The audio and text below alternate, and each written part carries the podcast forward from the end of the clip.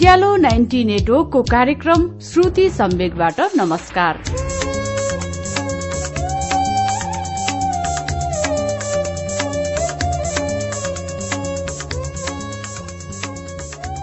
श्रुति सम्वेगमा हामी वरिष्ठ साहित्यकारहरूका उत्कृष्ट गद्यहरू वाचन गर्दछौ। आज मंगलबार हामी तस्लिमा नसरिनको उपन्यास प्यासभित्रको विद्रोहको अन्तिम श्रृंखला लिएर आएका छौं। उपन्यास प्यासभित्रको विद्रोहलाई नेपालीमा अनुवाद महेन्द्र महकले गर्नुभएको छ। उपन्यासको वाचनपछि आजको कार्यक्रममा हामी तपाईका प्रतिक्रियाहरू पनि समेट्नेछौ। शुरूमा उपन्यास प्यासभित्रको विद्रोहको अन्तिम श्रृंखला वाचन सुनौ अच्युत घिमिरेबाट।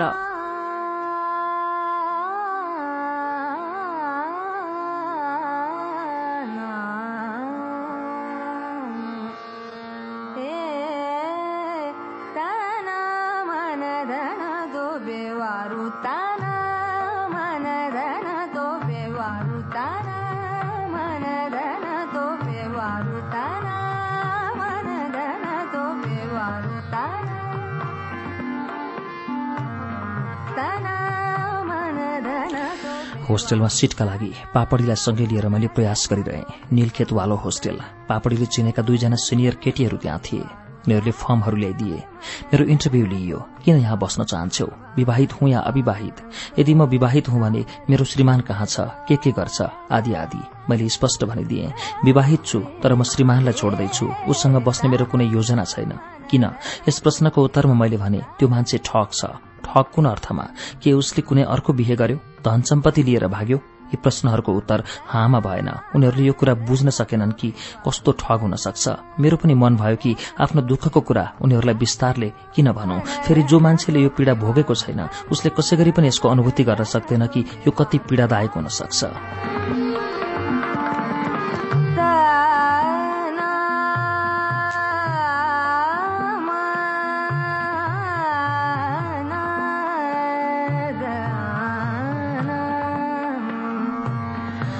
मैले यो पीड़ाको अनुभूति गरेकी छु भोगेकी छु। आखिरकार म होस्टेलमा बस्न पाउने भए जे चाहे त्यो पाएँ जागिर पाएँ बस्ने खाने चिन्ता थियो त्यो पनि समाधान भयो। अफिसको कामकाज सिक्नमा म निपुण हुँदै थिएँ। मेरो पछाडि दुवै घरमा के भइरहेको छ मैले यो कहिले सोचिन। जे हुन्छ भइरहोस्। मलाई के कोटाउको दुखाई पछाडि छोडेर आएको कुनै पनि मान्छेप्रति मेरो मनमा कुनै किसिमको दया माया आउँदैन।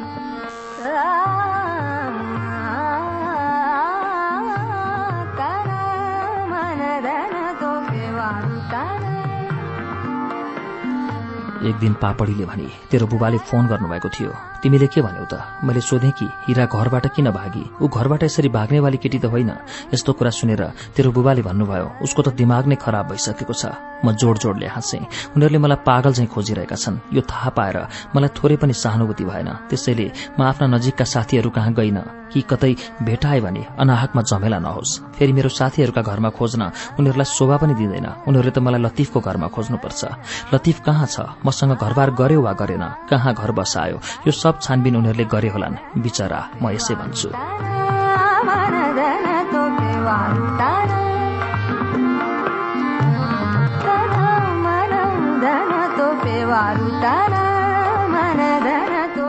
मन्जु काकाको इन्जिनियरिङको फर्म छ। यहाँ ट्रान्सफर्मर बन्छ। उहाँलाई देश विदेश घुम्नबाट फुर्सद छैन। मेरो अनुरोधको कारणले वा आफ्नो व्यस्तताको कारणले उहाँले मेरो बारेमा घर परिवारलाई कुनै जानकारी दिनु भएन घरमा थाहा छैन। एकपटक थाहा पाएपछि मलाई फेरि पिंजडामा थुन्नेछन् र पिंजडामा बस्नुको पीड़ा मलाई राम्ररी थाहा छ।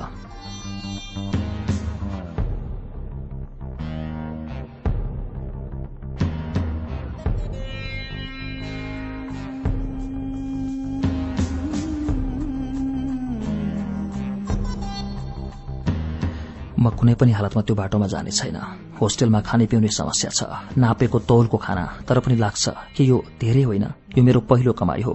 उमेरभरि अरूको घरमा माछा मासु खानुभन्दा आफ्नो कमाईमा दाल भात खानु धेरै राम्रो। मैले कमाएको खान्छेस भनेर कसैले पनि मलाई तीखो वचन लाउँदैन। कसैको अगाडि मैले टाउको निहुराउनु पर्दैन।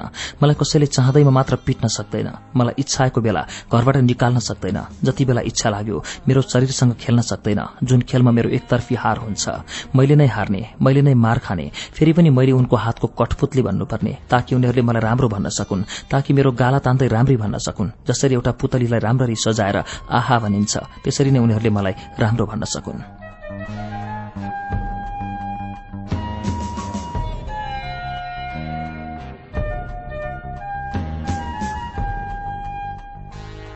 अफिसमा केही खास काम छैन। टेलिफोन रिसिभ गर्नु फाइल आदि राम्ररी राख्नु एमडीको कोठाबाट साइन गराएर ल्याउनु आदि। यो सबै कुनै गाह्रो काम होइन। यी सबै कामको बीचमा मैले बीएको परीक्षा दिने सोचिरहेकी छु। होस्टेलमा थुप्रै केटीहरू छन्। धेरैसँग मित्रता पनि भइसक्यो। मलाई एक्लोपनको महसुस हुँदैन। यो पनि एउटा छुट्टै दुनियाँ हो। होस्टेलका थुप्रै केटीहरू जागिरसँगै पढ़ाई पनि गरिरहेका छन्। मैले केही किताबहरूको जुगाड गरे। मेरो जीवनमा यति व्यस्तता पहिला कहिल्यै पनि आएन। बिहान नौ बजे अफिस पाँच बजे फर्किनु। कहिल्यै रुक्कैया हल त कहिले पापडी कहाँ गफ मार्नु? समय कसरी बित्दैछ? थाहा नै हुँदैन।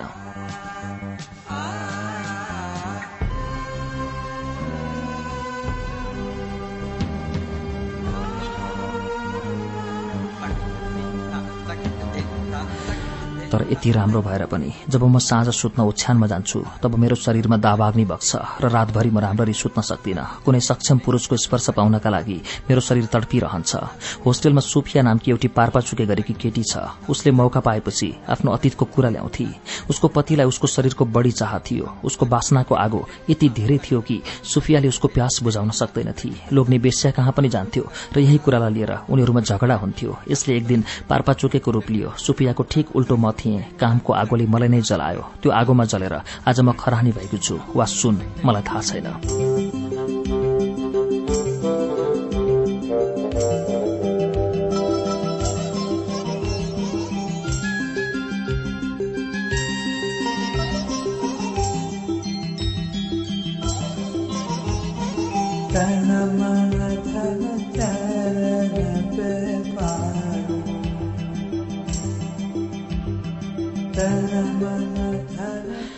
यो केटासँग मेरो पहिला पनि परिचय थियो। मितुल नामकी मेरी एउटी साथी थिए उसको काकाको छोरा हुनुपर्छ यो। एक दिन अचानक मैले देखेँ कि ऊ होस्टेलको गेटमा उभिएको छ।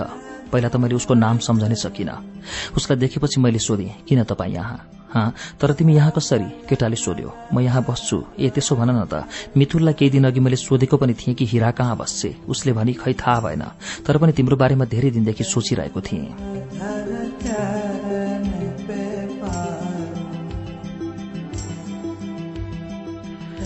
कुरा गर्दा गर्दै मलाई उसको नाम याद आयो। केशर सिधा सपाट मुहार हल्का दारी तर आँखा हेर्न लायक सुन्दर।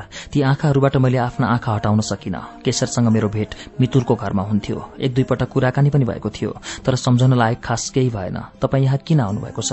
मैले सोधेँ। मेरी बहिनी यो होस्टेलमा बस्छे। तपाईँ के मोहसिन हलमा बस्दै हुनुहुन्छ? अरे वाह तपाईँलाई त म कहाँ बस्छु भन्ने कुराको पनि सम्झना रहेछ। मैले मनमा सोचे। मलाई त खुब याद रहन्छ। सबै कुरा त बिर्सिसकेकी थिएँ। नामसम्म याद आइरहेको थिएन। यो केटाले मलाई मन पराउँछ। मितुलले कुरै कुरामा मलाई यो कुरा धेरै पटक भनेकी थिए मसँग परिचय गर्नका लागि यो मान्छे मितुलको जन्मदिनको पार्टीमा पनि आएको थियो। केशर पोलिटिकल साइन्सको अन्तिम वर्षमा अध्ययनरत छ। म गेटमा उभिएरै कुरामा भुलेकी थिएँ। उसले भन्यो घुम्दै कुरा गर्दै गरौं न।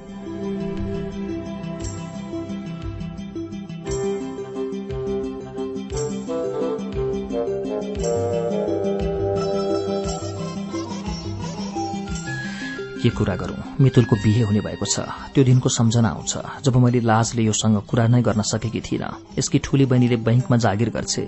मैले सानो जागिर गर्छु। यो कुरा सुन्दा केशर छक्क पर्छ। यति सानो उमेरमा जागिर गर्दैछौ। काम गरिहाल्छौ। तिमी त त्यो दिनकी सानी केटी हौ। केशर हाँस्छ। म पनि हाँसे। किन म मूर्ख केटी हुँ र केशरकी बहिनी गेटमा आउँछे? हामीहरू फेरि भेटौँला जस्तो केही नभनेर छुट्टियौं। यसपछिका दिनमा मैले केशरलाई प्राय गेटमा उभिएको पाउँछु।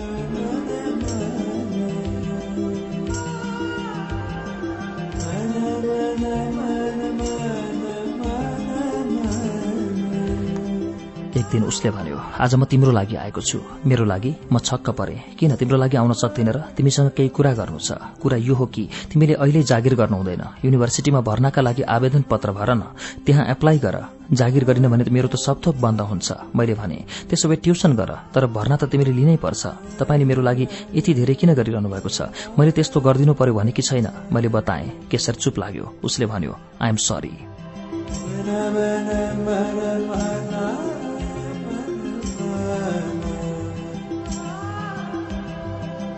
ne ne ne ne ne ne त्यो दिन अरू कुरा नै भएनन्। म कोठामा आएर चुपचाप पल्टिएँ। कति दिन पहिला आमालाई धकेलेर घरबाट भागेर आएकी थिएँ। जिन्दगीमा के कस्तो हुन्छ उनीहरूलाई केही पनि थाहा छैन। या फेरि अल्ताफले कुनै चाल चल्दैछ। अचानक कुनै दिन मलाई उठाएर लान्छ कि डर लाग्छ। एक्लै कोठामा म केही डराउँछु। मन्जु काकाले भन्नुभएको छ राम्रो काम गरेको खण्डमा दुई महिनापछि मेरो तलब बढ्नेछ। जागिर नराम्रो छैन। फेरि हलमा बसेर युनिभर्सिटीमा पढौं। यो सल्लाह पनि नराम्रो होइन।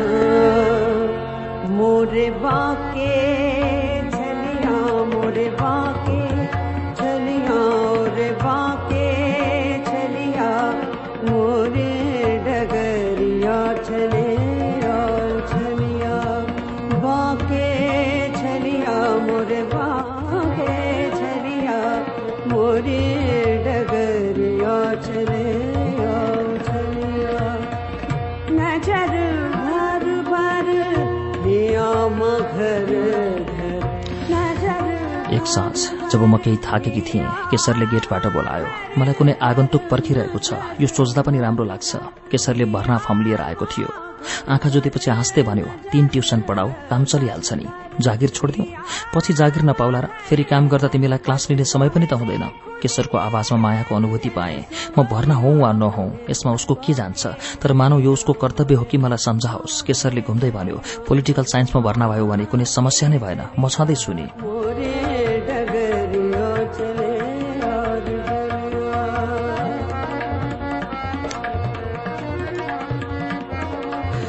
केशरको यो वाक्य म त छँदैछु निले मलाई भित्रैदेखि कपायो मैले पनि घुम्दै घुम्दै भने साँझतिर तपाईँसँग घुम्ने एउटा नियम नै बसिसकेको छ। तिमीलाई राम्रो लाग्छ होइन? साह्रै राम्रो लाग्छ। केशर मुस्कायो। उसले भन्यो ल कुनै दिन रिक्सामा घुम्न जाउँ। हावा खानामा खुब आनन्द आउला।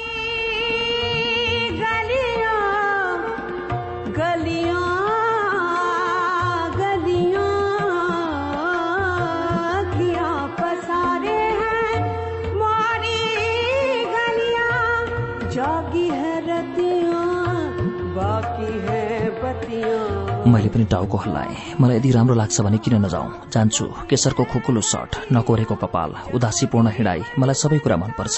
यस्तो लाग्छ कि यदि कुनै साँझ यसरी केशरसँग कुरा गर्दा गर्दै बित्छ भने त्यसमा नराम्रो के हुन्छ र? हामीहरूले मुखबाट केही बोल्दैनौ तर राम्ररी थाहा छ कि केशर अवश्य आउनेछ र म उसँग कुरा गर्दै बाटोमा घुम्न निस्कनेछु। कहिले क्रिसेट तालको किनारामा गएर बस्नेछु कहिले कुनै रेस्टुराँमा। एक दिन घुम्दै घुम्दै हामीहरू शाहबागको एउटा रेस्टुराँमा गएर बस्यौं। चिया समोसा खायौं। केशरले बिल तिर्यो। मैले भने अर्को पटक मैले खुवाउनेछु। मेरो आफ्नो पैसा हो मलाई कसले रोक्छ?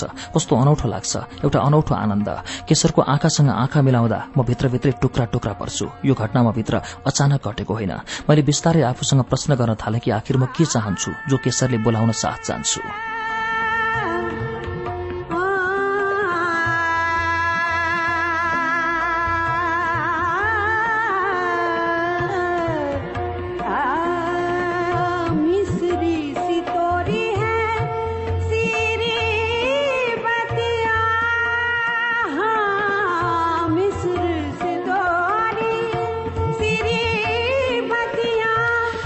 उसले किन बोलाउँछ र म किन जान्छु? के यो दुई दिनको मोह हो जुन केही दिनपछि आफै हराउनेछ? जवाफ पाए केशरले प्रताड़ित गरेन भने यो लगाव किन समाप्त होला र? यदि ऊ एउटा समर्थ र स्वस्थ पुरूष हो भने प्रेम किन पो धुमिल होला र? एक दिन टीएससीको मैदानमा उभिएको बेला केशरले भन्यो यस्तो लाग्छ कि म तिमीलाई लामो समयदेखि चिन्दछु। लामो समयदेखि? त्यो भनेको कति लामो समयदेखि? जन्मदेखि? उसले उत्तर दियो म फेरि भित्रभित्रै प्रकम्पित हुन्छु। मेरो शरीरमा मेरो मनमा प्रचण्ड प्यास छ। के केशरले मेरो प्यास मेटाउन सक्ला? यदि मेटाउन सकेन भने अल्ताफले जस्तै लुच्ने कोपर्नेवाला मान्छे भए मात्रै पीड़ा दियो र सुख दिएन भने।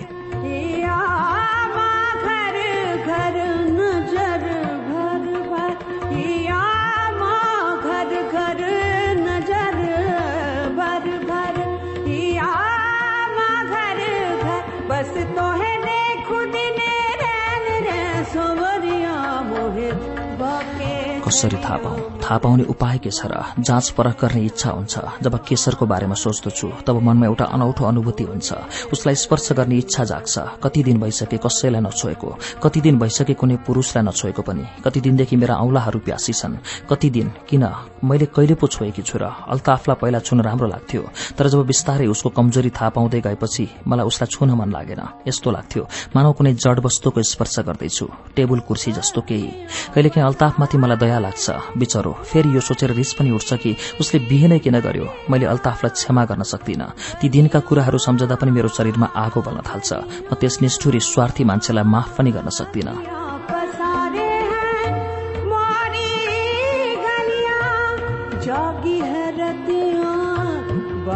है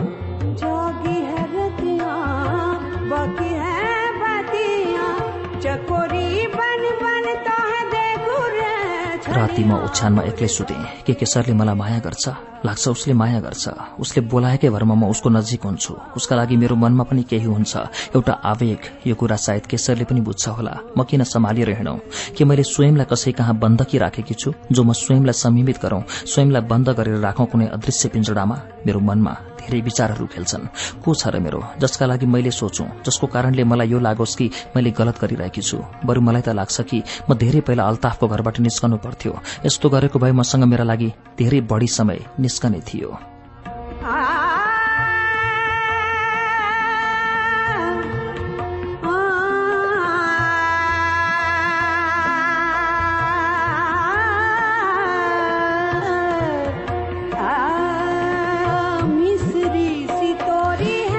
केशरले मलाई प्रेम गर्दछ। यो कुरा उसले मबाट लुकाउन सक्दैन। उसलाई राम्ररी थाहा छ कि म विवाहित केटी हुँ र अहिलेसम्म अल्ताफसँग सम्बन्ध कायम छ। यो थाहा पाएर पनि म केशर म नजिकै आउँछ। यसमा उसको के प्राप्ति छ? यसको कुनै अर्थ नराखेर आउँछ। यो प्रेम आखिर कहाँ गएर रोकिने हो थाहा छैन। कहिलेकाहीँ लाग्छ केशरसँगको यो सम्बन्ध यही रोकिदिन्छु तर किन रोकौं?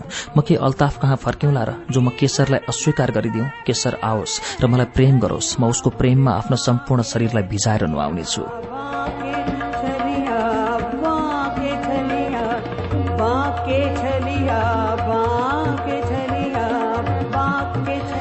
कसले रोक्न सक्छ? अल्ताफको के हैसियत छ कि उसले मलाई रोकोस्? बढ़ीभन्दा बढ़ी उसले कानून देखाउन सक्छ पारपाचुके गर्छु अनि रहन्छ कानून पनि। यी कागजी सम्बन्धहरूमा कुनै दम छ जस्तो मलाई लाग्दैन। के कागजले कसैलाई रोक्न सक्छ? यदि मन नै छैन भने म बारम्बार यो कुरा बेसिदिन्छु कि म कुनै अल्ताफ नाम गरेको मान्छेकी स्वास्नी हुँ। म लामो समयसम्म उसको घरमा बसेकी हुँ।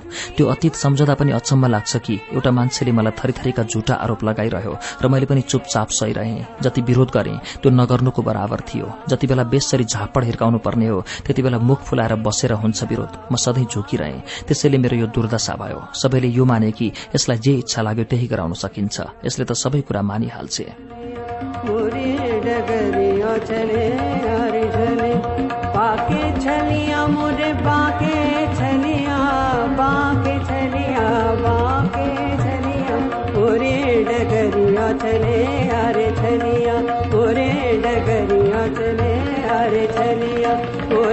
डगरिया चले छलिया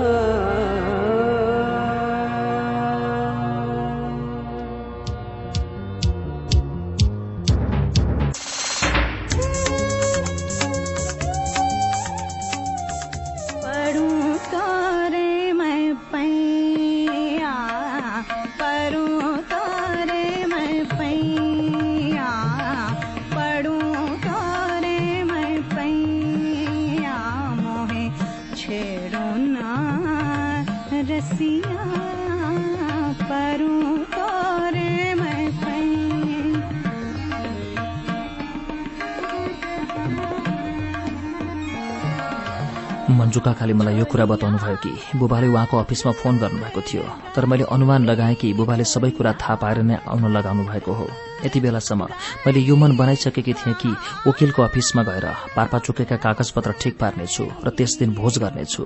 सम्बन्ध विच्छेदका कागजपत्र पाएर अल्ताफलाई कति चोटला यो सोचेर म खुसी भएँ। ऊ रिसले आगो हुनेछ मुठी कस्नेछ रिसाएर पूरा घरमा हल्लाखोर गर्नेछ।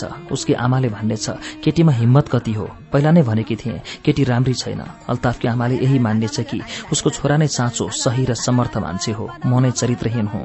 उसो त मेरो उसँग केही लिनु दिनु छैन किनकि अल्ताफ आफूलाई थाहा छ आफ्ना कमजोरी र दोषको बारेमा। उसलाई नै थाहा छ कि किन मैले उसलाई र उसको घरलाई छोडे। जुन दिन पार्पा चोके पाउनेछु त्यस दिन मैले सोचिसकेकी छु कि भोज गर्नेछु धेरै दिनपछि साडी लगाउनेछु श्रृंगार गर्नेछु। त्यो दिन यदि साथमा केसर भयो भने उसँग म पूरा शहर घुम्नेछु दिउँसो कतै गएर खाना खानेछु।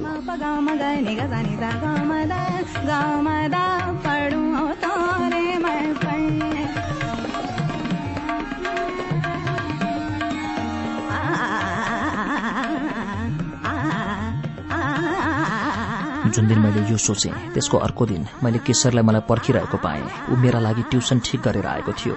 तीनवटा ट्युसन पढाएँ भने ढाई हजार मिल्नेछ। जागिर छोड्नु नै बेस होला। मलाई यही सम्झाउन ऊ आएको थियो। जागिर गर्दा बढी समय जान्छ। यसमा उसलाई गुनासो छ।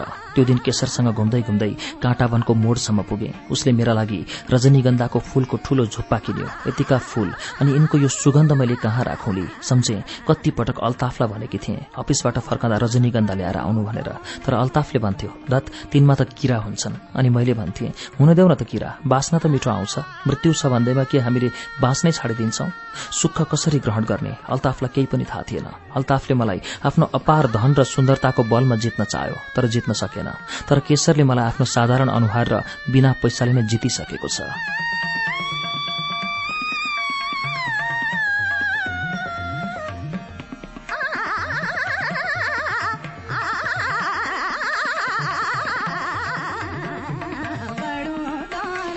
म दिन प्रतिदिन उसको व्यवहारबाट अभिभूत हुँदै गएँ। एकातिर केशर र अर्कोतिर पूरा संसार। मेरा सामु बाँकी सब कुरा धुमिल हुँदै गएको थियो। मैले धेरै दिनदेखि राम्ररी कपाल कोर्दिनथे राम्रो कपडा लगाउँदैनथे। लाग्थ्यो यी सबको अब के आवश्यकता छ र? जीवन त समाप्त भइसक्यो। पछुतोले भरिएको जीवन तर अचम्म लाग्छ कि? त्यही दिन मैले कपालमा स्याम्पू गरेर कपाल राम्रो बनाएँ बजारबाट लुगा किनेर ल्याएँ र ऐना अगाडि उभिएर आफूलाई निहाल्न थालेँ केशरको नजरबाट। एक दिन केशरले भन्यो तिमी त साह्रै सुन्दर देखिन्छौ नि। यो सुनेर मलाई लाज पनि लाग्यो र राम्रो पनि लाग्यो। मलाई राम्रो लाग्नुको कुनै सीमा थिएन।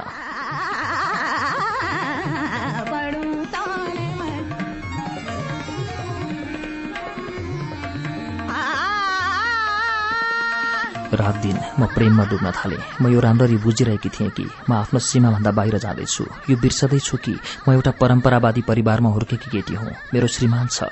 अझै पनि कानूनी रूपमा म उसँग गाँसिएकी छु। उसले चाह्यो भने अहिले मलाई लतार्दै घिसार्दै लैजान सक्छ।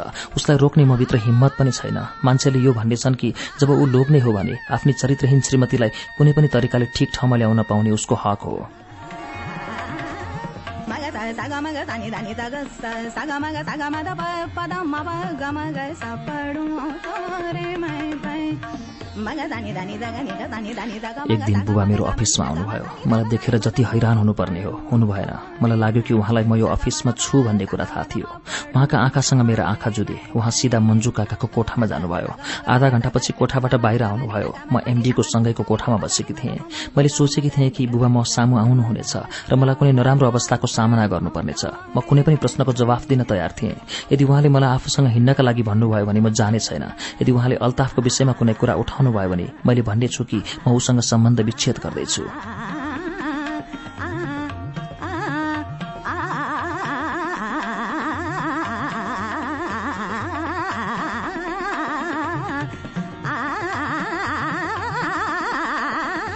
यदि बुबाले भन्नुभयो कि मैले जागिर गर्न पाउँदिन भने मैले भन्ने छु कि काम त मैले गर्छु नै। म बालिक केटी हुँ। मैले के गर्नुपर्छ र के गर्नुहुन्न भन्ने कुरा राम्ररी बुझेकी छु। यदि उहाँले मलाई होस्टलमा नबस घर आऊ भन्नुभयो भने भन्ने छु कि जुन दिन इच्छा लाग्ला त्यही दिन आउनेछु। जबरजस्ती गरेको खण्डमा म जाने छैन। मसँग जबरजस्ती भयो भने मैले पनि त्यसको जवाफ दिन जानेकी छु। शारीरिक शक्ति पनि आवश्यक भए प्रयोग गर्नेछु। डराउन चाहे भने के नै धम्की देलान् र मलाई राम्ररी थाहा छ कि यो अफिसभित्र र बाहिरका मान्छेले बुबाको कुरामा सहमति जनाउनेछन्। भन्नेछन् कि बुबाले त यो सब मेरो भलाइका लागि नै गर्दै हुनुहुन्छ तर म मान्ने छैन।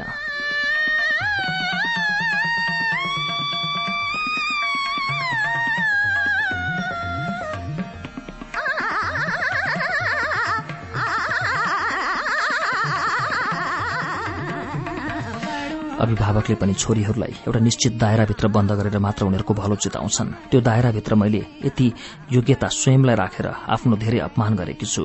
बुबा या अरू कुनै अभिभावकमा यति योग्यता छैन कि उनले यो कुरा बुझ्न सकुन् कि आखिर त्यो अपमान कुन दर्जाको थियो? मैले यदि यो भने कि पतिले मलाई त्यो सुख दिँदैन जुन सुख मैले उसलाई दिन्छु तब यो जवाफ पाउन सक्छु कि के आवश्यक छ त्यस पार्थिव सुखको? छोरी मान्छे भएर यस्तो सुखको आशा राख्नु अशोभनीय हुन्छ अशालीन र अश्लील लाग्छ। अर्थात निर्लज केटीहरूले मात्रै लोग्नेको सुख बाहेक आफ्नो सुखको बारेमा सोच्दछन्। म किन नसोचु म यदि आफ्नो सुखका लागि उत्ताउली हुन्छु भने त्यो अशोभनीय हुन्छ। तर जब अल्ताफले आफ्नो थोरै सुखका लागि मलाई कुल्चिन्छ र उन्मादित हुन्छ तब भने उसलाई कसैले पनि अशोभनीय भन्दैन। बरु मैले रोकेको खण्डमा भन्नेछ कि तिमीले रोक्ने उचित होइन।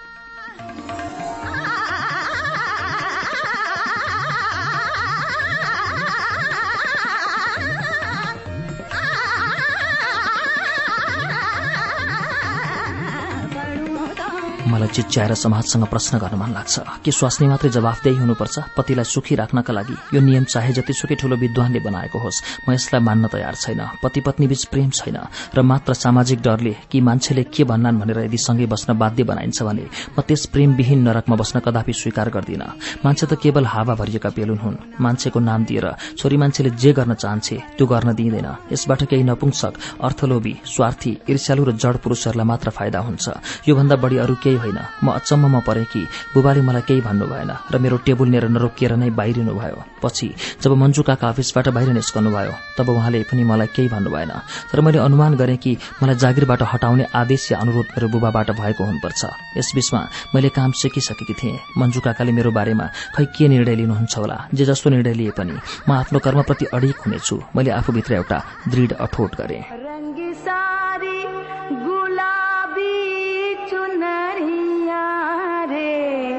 रंगी सारी गुलाबी चुनरिया रे मोहे मारे नजरिया सबरिया रे मोहे मारे नजरिया सबरिया त्यो दिन दिउँसभरि पानी परिरह्यो। साँझ पानीमा भिज्दै केसर आयो। म होस्टेलको कोठामा बसेर जागिरको बारेमा सोचिरहेकी थिएँ।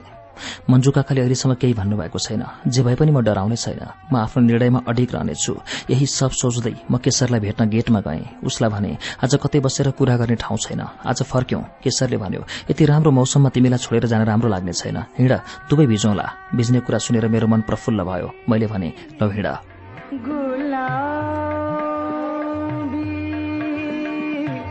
गुलाबी चुंदरिया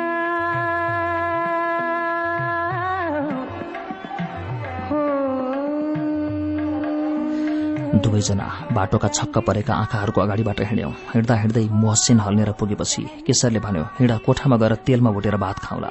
मैले भने साथै चिया पनि ठिक छ। केशरले हाँस्दै भन्यो ल ल ठिक छ। भयो भने खिचडी पनि फकाएर खाउँला। मलाई साह्रै राम्रो लाग्यो। केशरका इच्छाहरूसँग मेरा इच्छाहरू मिल्छन्। उसले गीत पनि राम्रो गाउँछ। चिया पिउँदा उसले गाएको पनि सुन्नुपर्छ। एउटा सिंगल खाट टेबलमा चताचुल्ल भएका किताबहरू झुल झुन्डिरहेको छ। म उभिएर नै केशरको कोठा हेरिरहेकी थिएँ।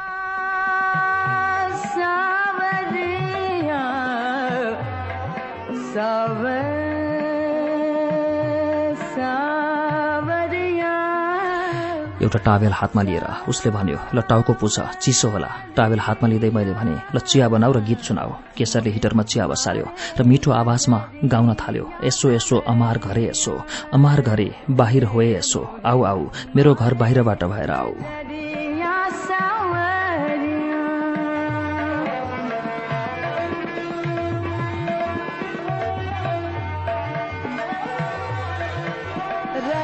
टेबुलको किनारासँग अडेस लागे कि मैले? किताबका पाना पल्टाउन थाले र केशरले चिया बनाउँदै गरेको हेरिरहेँ। आफ्नो घरमा आउने आह्वान उसले यति गहिरो रूपले गरिरहेको थियो कि सुरतालमा कमै शुद्धता भए पनि मैले उसको गीतमा हातमा भेटेँ।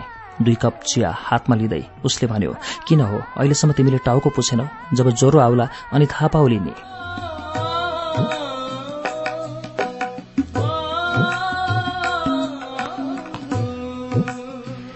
मैले भने आउन देऊ ज्वरो। मलाई साह्रै ज्वरो आउनु परेको छ। तिमी मलाई भेट्न आउला मेरो निधार छामेर मेरो ज्वरो नापाउला। नजिकमा बसौला र भनौला। सन्छु आउन छिटो।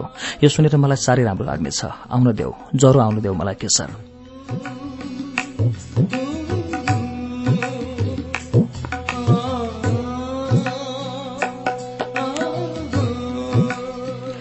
मेरो आवाजमा खै के थियो केशरले मलाई मुग्ध आँखाले हेरिरह्यो। मेरो ज्वरोको नसा त्यति बेला हट्यो जब उसले मेरा दुवै पाखुरा समाएर मलाई ओछ्यानमा बसायो। उसको भिजेको शरीर छातीमा टाँसिएको सर्ट मेरो हातबाट टावेल लिएर उसले मेरो टाउको पुछिदियो। टाउको टाउकोबाट मुहार छाती मेरो पूरा शरीर उसले टावेलले पुछिदियो। मेरो भिजेको शरीरमा उसको न्यानो हातको स्पर्श भयो।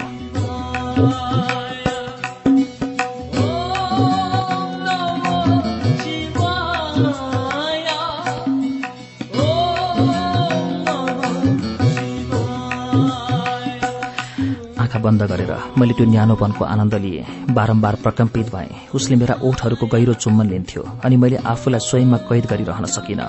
स्वयंलाई फैलाइदिएँ जसरी फुल्दै गरेको गुलाफले आफ्ना पत्र दललाई फैलाउँछ। कोठामा अरू कोही छैन मात्र हामी दुई छौं। पसिनाको गन्धले अस्तव्यस्त ओछ्यानमा शरीर बिउजियो। मैले उसलाई आफ्नो अंगालोमा लिएर उसको छातीमा मुख राखेर गहिरो सास लिएँ। किन नलिउ? कसले रोक्छ मलाई? मायाका अगाडि आफ्नो गहिरो चाहनाको अगाडि स्वयंलाई समर्पित गर्न म समर्थ नै छु।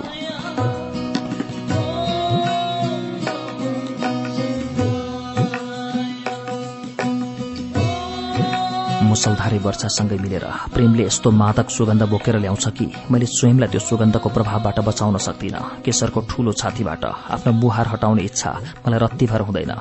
उसले मलाई अझ बढी कसेर समात्यो। त्यसपछि के भयो? मैले केही बुझ्न सकिन। दुईजना प्रेमी प्रेम गर्दा गर्दै कहाँ हराए हराउँदा हराउँदै मैले यो महसुस गरिरहेकी थिएँ कि मेरो प्यास मेटिँदैछ। प्यास बुझ्दैछ मेरो।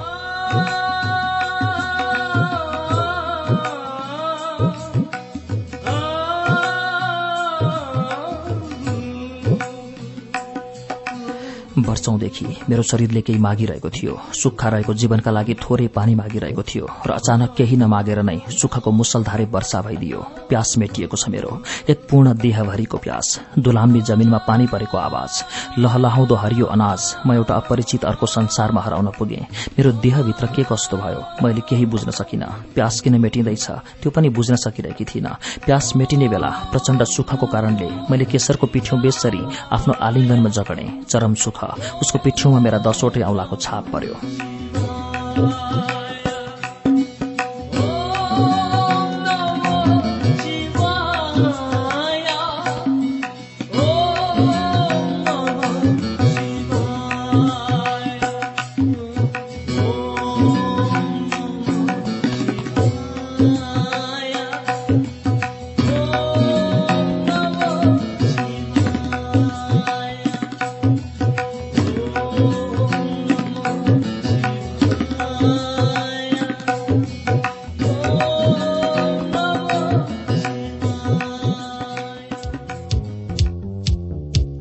श्रुति सम्वेगमा भर्खरै सुन्यौं उपन्यास प्यासभित्रको विद्रोह।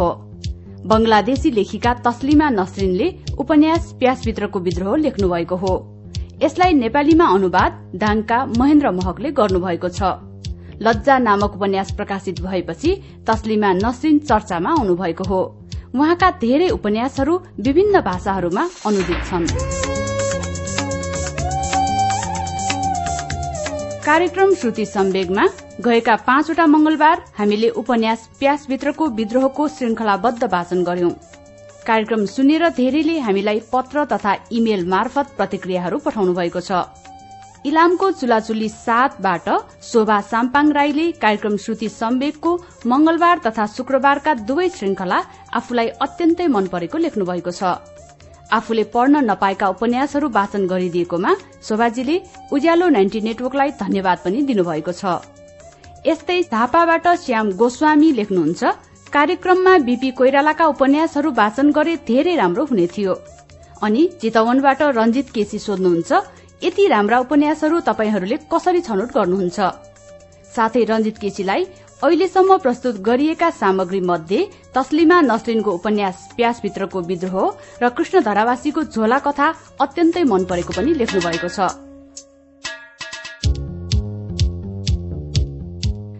श्रुति सम्वेगमा उपन्यास वा कथा छनौट गर्दा हामीले धेरै श्रोताहरूको निकटतालाई समेट्ने र सुन्दा मिठो लाग्ने गरी लेखिएका भाषालाई बढ़ी प्राथमिकता दिएका छौं।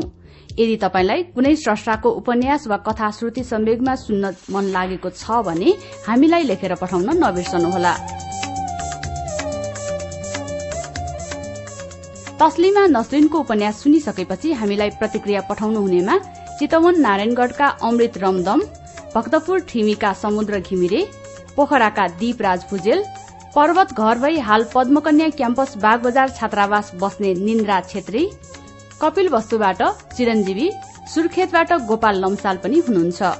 उहाँहरूले कार्यक्रमको उत्तरोत्तर प्रगतिको कामना सहित प्रतिक्रिया पठाउनु भएको छ। पत्र तथा इमेल लेख्नुहुने सबैलाई हाम्रो हार्दिक धन्यवाद।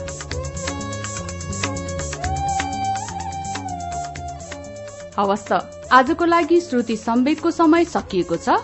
उज्यालो नाइन्टी नेटवर्कको कार्यक्रम श्रुति सम्वेक तपाईँलाई कस्तो लाग्दैछ? प्रतिक्रिया पठाउन नबिर्सनुहोला। हाम्रो ठेगाना हो कार्यक्रम Shruti Samveg post box number छ चार छ नौ काठमाडौँ। इमेल ठेगाना हो SHRUTI at UNN dot com dot NP शुक्रबारको श्रुति सम्वेगमा फेरि हाम्रो भेट हुने नै छ। त्यो भेटमा हामी तपाईँलाई कृष्ण धरावासीको उपन्यास राधाको वाचन सुनाउँछौ। त्यसबेला सम्मका लागि प्राविधिक साथी दिनेश निरौला र विशालजित पालिकीसँगै अच्युत घिमिरे र म मण्टेश्वरी राजभण्डारी पनि विदा पाऊ। शुभरात्री।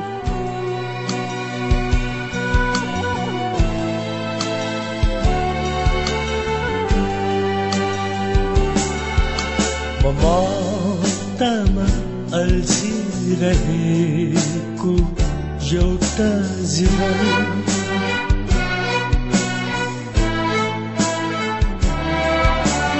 ममतामा अल्झिरहेको एउटा जीवन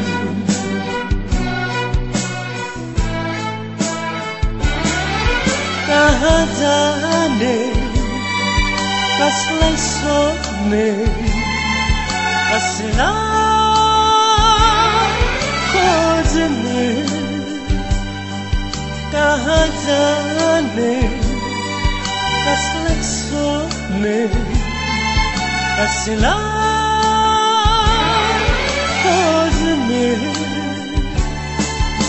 ममतामा अल्झिरहेको एउटा जीवन यसरी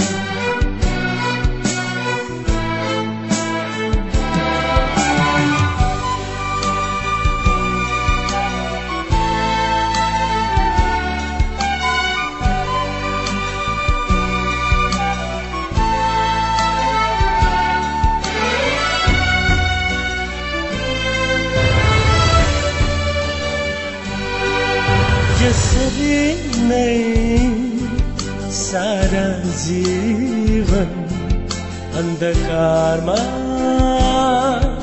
बित्ने हो कि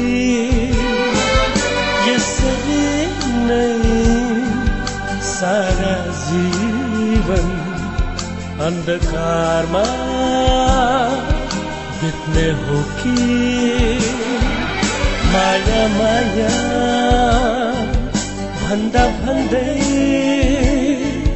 जिन्दगी नै मेरो बित्ने हो कि मासे आशा अल्झिरहेको एउटा जीवन।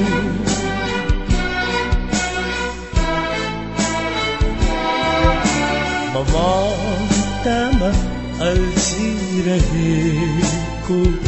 एउटा जीवन यसरी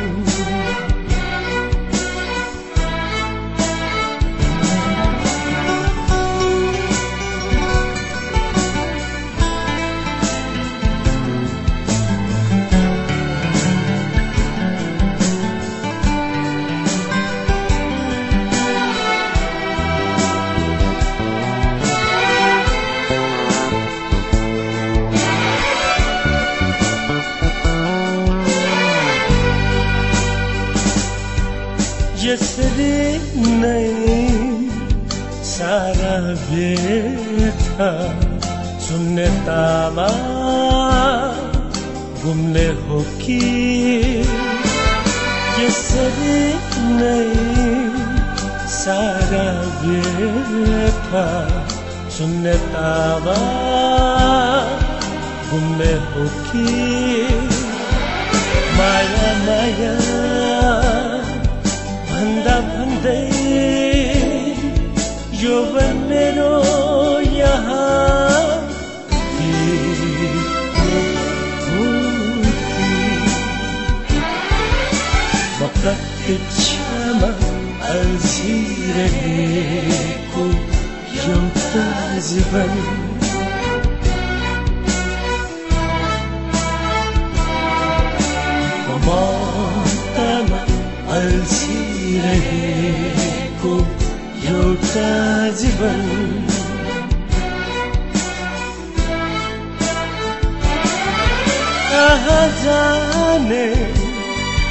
जाने कसलाई सोध्ने कसलाई खोज्ने कहाँ जाने कसलाई सोध्ने कसलाई खोज्ने म ममतामा अल्झिरहेको एउटा जीवन